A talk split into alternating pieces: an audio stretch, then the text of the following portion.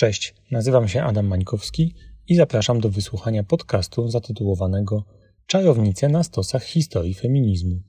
Opowiadam w nim o historii, antropologii i polityce, ale przede wszystkim o genezie i rozwoju myśli feministycznej. Jeżeli bliskie Ci są zagadnienia dotyczące mechanizmów wykluczania i marginalizacji kobiet w historii świata, to zapraszam do zaglądania tu regularnie.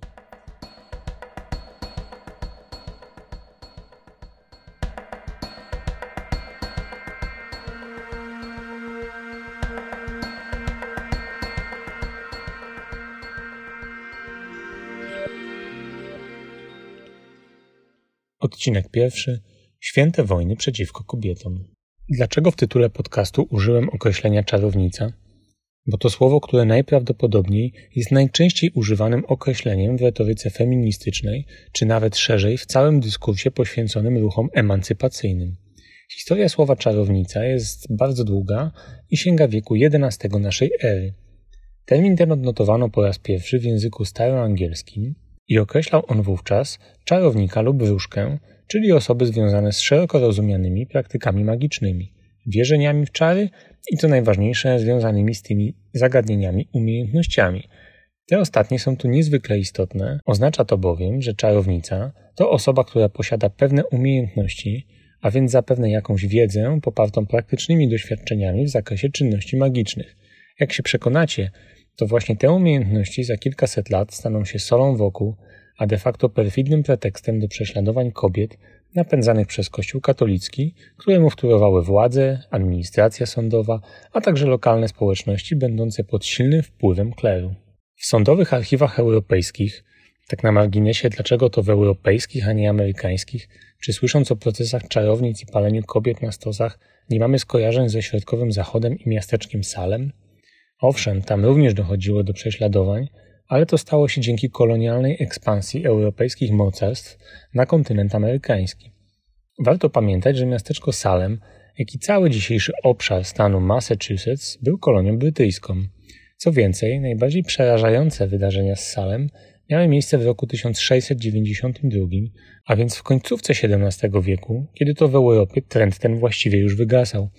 Z powodzeniem niestety odżył ponownie na terenie kolonii angielskich osadników zajmujących tereny obecnego hrabstwa Essex. Nasze mylne skojarzenia o genezie i kulminacji wydarzeń związanych z prześladowaniem kobiet w procesach oczary wynikają głównie z licznych interpretacji popkulturowych.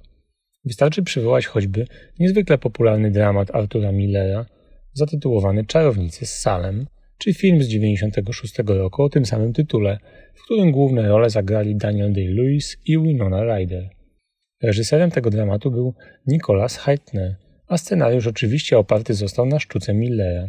O wydarzeniach z Salem i ich wpływie na amerykańską kulturę oraz aktywności ruchów feministycznych w Stanach Zjednoczonych opowiem w innym odcinku podcastu, a być może nawet i w kilku odcinkach, bo to temat niezwykle obszerny.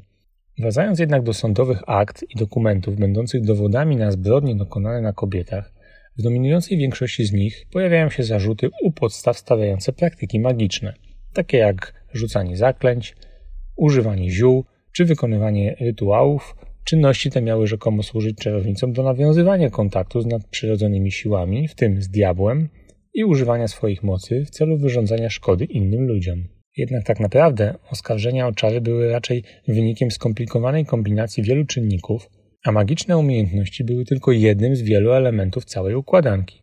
Oskarżenia miały głównie podłoże religijne, ale również społeczne, ekonomiczne czy polityczne.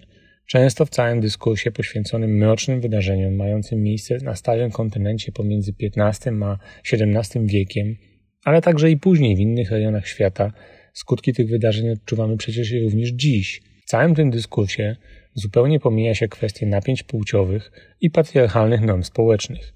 Czarownice często były przedstawiane jako niezależne kobiety, które odrzucały tradycyjne role płciowe i miały pewną niezależność ekonomiczną czy seksualną. To wywoływało i niestety wciąż wywołuje strach i niepokój w społeczeństwie, szczególnie wśród jego namiestników duchowych, co prowadziło do demonizacji kobiet i wysuwania wobec nich absurdalnych oskarżeń.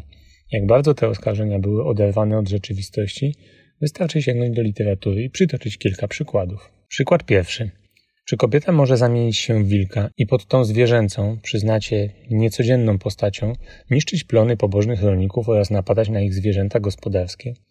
Otóż według oskarżycieli z niemieckiej miejscowości Nordlingen, gdzie w roku 1593 odbył się słynny proces oczary związany z tak zwanym zjawiskiem nocy demonicznej, uznano, że tak.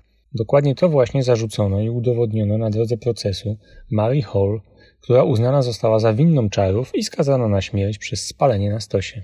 W czasie zjawiska nocy demonicznej czarownice miały być widziane w towarzystwie diabła, unoszące się w powietrzu na miotłach lub innych przedmiotach, miały również dokonywać aktów czarowniczych, takich jak rzucanie czarów, przeklinanie i wywoływanie szkód w społeczności.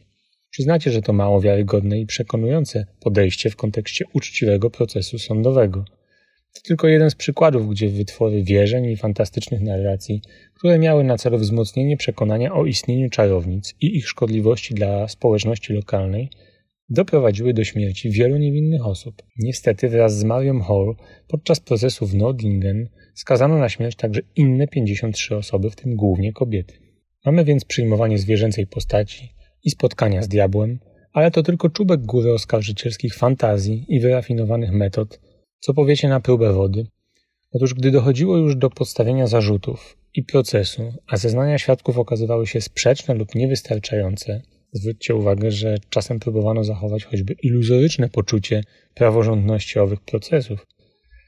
Wówczas orzekający postanowili poddać czarownicę tak zwanej próbie wody. W ramach tejże próby oskarżona osoba była zanurzana w wodzie, najczęściej poprzez wrzucenie jej do rzeki lub stawu. Jeśli oskarżona utonęła, Uznawano to za dowód jej niewinności, ponieważ wierzyło się, że woda odrzuciła czarownicę, a diabeł nie był w stanie jej utrzymać. Jeśli jednak oskarżona wypłynęła na powierzchnię, uznawano to za dowód winy, ponieważ wierzyło się, że woda ją przyjęła, co było interpretowane jako potwierdzenie kontaktu z diabłem. Przyznać trzeba, że to bardzo wyrafinowana metoda usprawiedliwienia sumienia oskarżycieli orzekających wyroki. Przyznać trzeba, że to bardzo wyrafinowana metoda usprawiedliwiania sumienia oskarżycieli i orzekających wyroki. Metoda niesprawiedliwa i brutalna była w istocie jedynie wynikiem uprzedzeń, przesądów i niewiedzy, co nie przeszkadzało jednak w jej stosowaniu na szeroką skalę. Przykłady można mnożyć, ale co naprawdę stoi u podstaw procesów, które najprościej określić możemy jako święte wojny przeciwko kobietom, wojny toczone przez wieki, wspierane instytucjonalnie, podlewane stereotypami, i często także ogromnymi pieniędzmi. Dlaczego wąskie, ale bardzo uprzywilejowane grupy mężczyzn, posiadające potężne wpływy społeczne i polityczne, postanowiły w podobnym czasie, choć na różnych obszarach geograficznych, wzmocnić patriarchalny porządek społeczny kosztem kobiet? Dlaczego wybrano drogę ucisku i przemocy? W czym kobiety zagrażały mężczyznom i w jakich obszarach do dziś stanowią dla nich zagrożenie? Kto i dlaczego utrwala w nowo rodzących się osobnikach naszego gatunku przekonanie, że świat jest cywilizacją mężczyzn. Początki tego zjawiska możemy odczytywać już w starożytności. To kobiety według antycznych Greków były naiwne, słabe i wątłe. Zawsze polegały na mężczyznach i zawsze potrzebowały ich wsparcia. Co więcej, mają w sobie pierwiastek fatalizmu. Przykłady? Znacie je wszyscy doskonale i nawet z nimi nie dyskutujecie. Puszka Pandory? Przecież nieszczęsną puszkę otworzyła kobieta, a nie facet. Do grzechu Adama skusiła jabłkiem Ewa, a nie odwrotnie. Nie wspominając już nawet historii z żebrem, biblijna metafora dobitnie obnaża zapędy służące podporządkowaniu kobiet mężczyznom, a także usprawiedliwiające ich dyskryminację. Niektóre interpretacje biblijne wskazywały na to, że Ewa została stworzona tylko i wyłącznie jako pomoc dla Adama, sugerując, że kobiety są drugorzędne lub zależne od mężczyzn. Powiecie, że to tylko metafory, przypowieści i mity. Okej, okay, to prawda, ale to właśnie te pierwotne argumentacje rezonują we współczesnym dyskursie antyfeministycznym bardzo wyraźnie. Co więcej, odciskają swoje piętno w stanowionym w Polsce i w wielu krajach na świecie prawie. To właśnie po te argumenty sięgają w debatach przedstawiciele Kościoła czy organizacji prawicowych, jako po przykłady niepodważalne lub y, nadane z boskiego prawa. To nie przypadek, że w XXI wieku w Polsce funkcjonuje jedno z najbardziej restrykcyjnych praw dotyczących aborcji w Europie, a nawet i na świecie, znane jako ustawa antyaborcyjna. Wielu zwolenników tej ustawy odwołuje się do swoich religijnych przekonań, w tym do interpretacji religijnych, które uważają życie poczętego dziecka za święte. Ta polityka ogranicza prawo kobiet do decydowania o sobie, o swoim ciele i zdrowiu, Szerzej dotyczy to także roli kobiet w społeczeństwie. W tradycyjnych interpretacjach biblijnych czy religijnych kobiecie często przypisywana jest rola matki i żony, ograniczająca jej możliwości rozwoju i równouprawnienia. Biblijne przekazy dotyczące podporządkowania żon mężom są używane jako argument dla nierówności płciowej w życiu codziennym. To właśnie podnoszenie stereotypowo rozumianych praw i zasad podstawowych, rzekomo leżących u podstaw naszej cywilizacji, do rangi niepodważalnych norm społecznych, od zawsze było paliwem do prowadzenia świętych wojen przeciwko kobietom. To kobiety od zawsze musiały sprostać wszystkim, nawet najbardziej absurdalnym wymogom. Miały to robić bez słowa buntu, poddawane najpierw woli ojca, a później męża. Wielcy filozofowie, których do dziś stawia się młodym pokoleniom w szkołach za wzór, pomimo całej swojej mądrości, w większości wypowiadali się o kobietach w sposób niedopuszczalny. Arystoteles z jawną pogardą donośnie krzyczał, że kobieta to nieudany mężczyzna. Według niego człowiek rodził się w tej płci tylko z jednego prozaicznego powodu. Otóż ktoś lub coś zmąciło uwagę ojca w czasie aktu stwórczego – Twierdził, że kobiety powinny być rządzone przez mężczyzn i zajmować się tylko swoimi domowymi obowiązkami, czyli oczywiście wychowywać dzieci i prowadzić dom. W jego dziełach, takich jak Polityka i o poetyce, wyrażał przekonanie, że mężczyźni są bardziej doskonałymi istotami i mają większą zdolność do kierowania społeczeństwem. Czy naprawdę naiwnie można wierzyć, że to wszystko jest tylko i wyłącznie dziełem przypadku? Znacznie łaskawszy był w swej filozoficznej rozkminie Platon. Sławny Grek uważał, że zarówno mężczyźni, jak i kobiety mają zdolności intelektualne, ale twierdził, że tylko niektóre kobiety są zdolne do sprawowania rządów lub pełnienia funkcji publicznych. W swoich pismach przekazywał pogląd, że istnieje naturalna różnica między płciami, a kobiety są mniej zdolne do myślenia abstrakcyjnego i kierowania społeczeństwem niż mężczyźni. Jego idealnym modelem społeczeństwa było to rządzone przez filozofa Króla, który był tylko i wyłącznie mężczyzną. I znów, czy możemy uznać, że to tylko bajdurzenie sprzed wieków? Niestety nic bardziej mylnego. Spójrzcie na zaburzone proporcje płci w polityce. Mimo, że kobiety stanowią znaczącą część społeczeństwa, najczęściej w granicach 50%, choć w Polsce ta proporcja od wielu lat jest wychylona na korzyść pań, w 2022 roku wskaźnik feminizacji, czyli ilość kobiet przypadająca na 100 mężczyzn, wyniósł w Polsce aż 107. Tak więc statystyczna połowa lub więcej społeczeństwa jest reprezentowana w instytucjach politycznych, parlamentach i rządach prawie zawsze dużo mniejszą ilością reprezentantek niż jest to w przypadku mężczyzn. Przyczyny takiego stanu rzeczy mają swoje źródło w społecznych normach obowiązujących w danym kraju, zaczynając od stereotypów, a na braku równego dostępu do zasobów, edukacji i szans skończywszy. Wróćmy jeszcze na chwilę do statystyk. W obecnej dziewiątej już kadencji polskiego parlamentu przypadającej na lata 2019-2023 w Sejmie zasiadają 132 posłanki i 328 posłów. Kobiety stanowią zaledwie 29% składu obecnego Sejmu, natomiast dla przykładu w latach 1989-1991 kobiet na sali plenarnej było zaledwie 61, co stanowiło 13%. Przyznacie, że po 30 latach osiągnęliśmy pewne postępy, ale wciąż daleko nam do sprawiedliwego pół na pół. Oczywiście polityka to tylko wierzchołek całej masy fundamentalnych problemów obnażających to, jak bardzo dyskryminujemy ze względu na płeć. Kolejny jaskrawy przykład nierówności wynagrodzeń. Wiele społeczeństw nadal zmaga się z nierównościami w wynagrodzeniach między mężczyznami a kobietami. Kobiety często otrzymują niższe płace niż ich męscy odpowiednicy za taką samą pracę.